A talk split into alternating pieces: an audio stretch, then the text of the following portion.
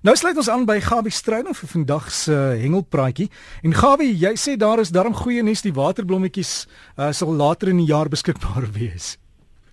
Ja, definitief en as jy die regte resep het, Derek, is dit darm 'n heerlike maal. Nou ek gaan my nou nie uitlaat oor waterblommetjies nie. Ek is 'n goeie kok, maar oor waterblommetjies nie veel nie. En dan wil ek natuurlik ook vir die sê dat die water by die kus rond, dit plaas spesifiek van die see Daar gaan dit maar nie baie maklik nie. Dis as gevolg van die hoë duinings. Sy is baie omgekrap. Ek praat met my vriend Denny daar by George. Hy sê sy oorlede pa het altyd gepraat van Bobbejaan-water. Nou Bobbejaan-water is die een oomblik as jy sien daar voor op die klippe dan lyk dit jou is dit laagwater. Die volgende oomblik dan kom daai water aangerol. Daar hardloop jy na sit jy bo in die vye of in die guna soos jou mense gepraat het die teen die walle soos wat die water jou amper daar afhaal en as jou engel gery naby in die water is dit jy moeilikheid dan het jy niks meer nie. Dan sê jy bonus jy maar weer moet aanwend vir 'n kontrole stok. Maar nou dit daar gelaat saam met al hierdie bobbejaan water wil ek vir u sê is dit baie onveilig en moet jy seker maak dat daar waar die engel dit 'n goeie plek is wat jy kan hardloop as dit hardloop is en as ek praat van hardloop praat ek nie van gladde klippe nie want dit is lewensgevaarlik. Die duinings is baie plekke 6, 7, 8, 9 meter hoog en eh, praat my vriend tuis aan die Weskus. Hy sê die weer is dan so stadig beter die see 'n bietjie van alle kante af om aan die ooste se kant toe suid oos so om bietjie beter te werk en dit lyk asof die water so bietjie bedaar. Ons verwag dat so 3 dae sal die see baie beter wees. En self die manne wat die rowerwater soek vir die galjoene, wees versigtig, dit is nie baie maklik om sulke omstandighede te hengel nie. Ek het 'n paar foto's gekry van 'n manne wat baie mooi galjoene gevang het, onder andere die ene van Karel Wells van daai galjoen van 5.3 kg. En dit is 'n massiewe groot vis. Nou, hoe 'n man saam met 'n paar families so groot galjoen gaan eet, sal ek nie weet nie, maar hy spek vet blink en ek so. Nou ja, Karel baie geluk met die mooi vis. Terug by die Weskus sê hy vir my daar by Dasen Eiland het daar ons hier en daar 'n paar veelsterte natuurlik te voorskyn gekom en gepraat van die omgewing. As jy nie die omgewing ken nie of jy ken nie die see, ek praat van nie met die oog bo op nie, ek praat van die bodem onder. Daar waar rotsriwe is waar jy met 'n boot beweeg, sal jy sommer agterkom dat skielik staan die see op. En as hy opstaan praat ek nou van swels wat oor jou breek van 3 4 meter. En as jy nie gereed is en jy lê op anker met die boot en hy anker toe is bietjie kort vasgemaak dan sê ek vir jou jy probleme jou testament nie reg is nie en los jy nog meer groot moeilikheid vir die wat agterbly en nou ja wees verseker dat jy die omgewing en die omstandighede ken waar jy hengel. Ek kry 'n foto van 'n man wat 'n mosselkraker gevang het die het hy nou 'n massiewe kraker. Ek weet nie wat dit se gewig gewees nie. Maar die kraker die man natuurlik probeer die hoek uit die mond uit al van die morsel kraker. Nou die duim wat hy gehad het, lyk afskuwelik vreeslik. Geen dokter of geen naaldbegaarders long weer by mekaar kry nie.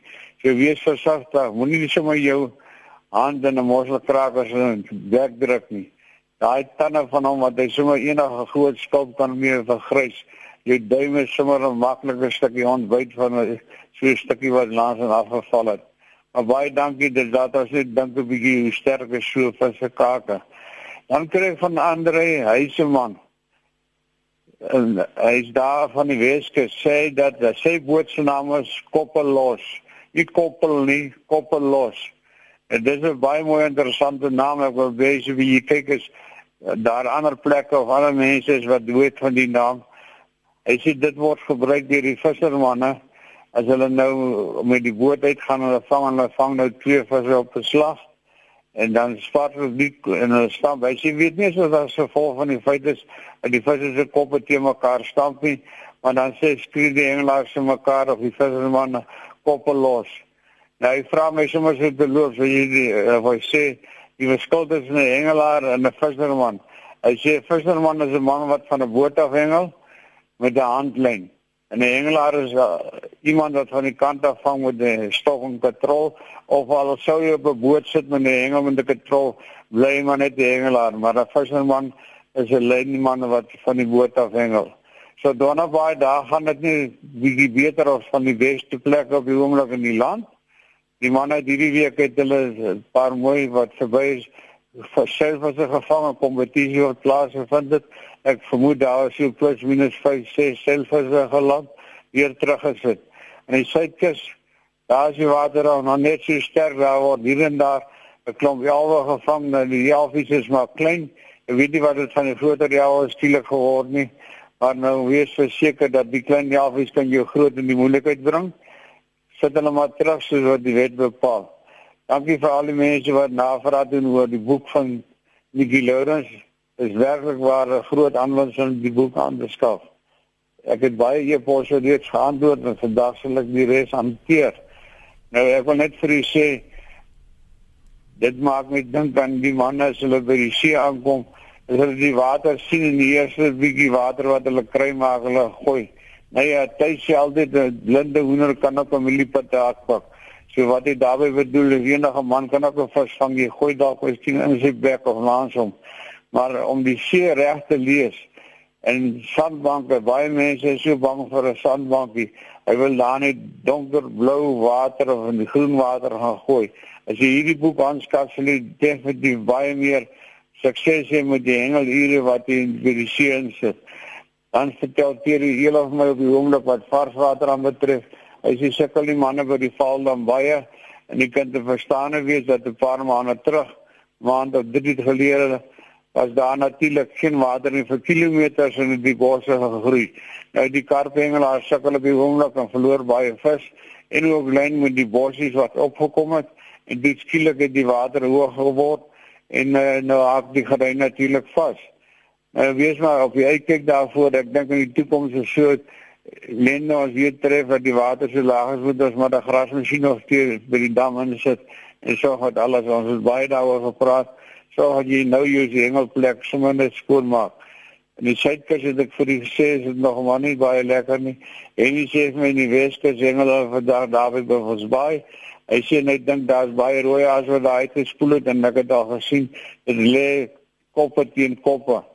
Nou dan net die mag net die maksimum van 2 kg rooi aas by hier wat skoon gemaak en in die kop uitgehaal is.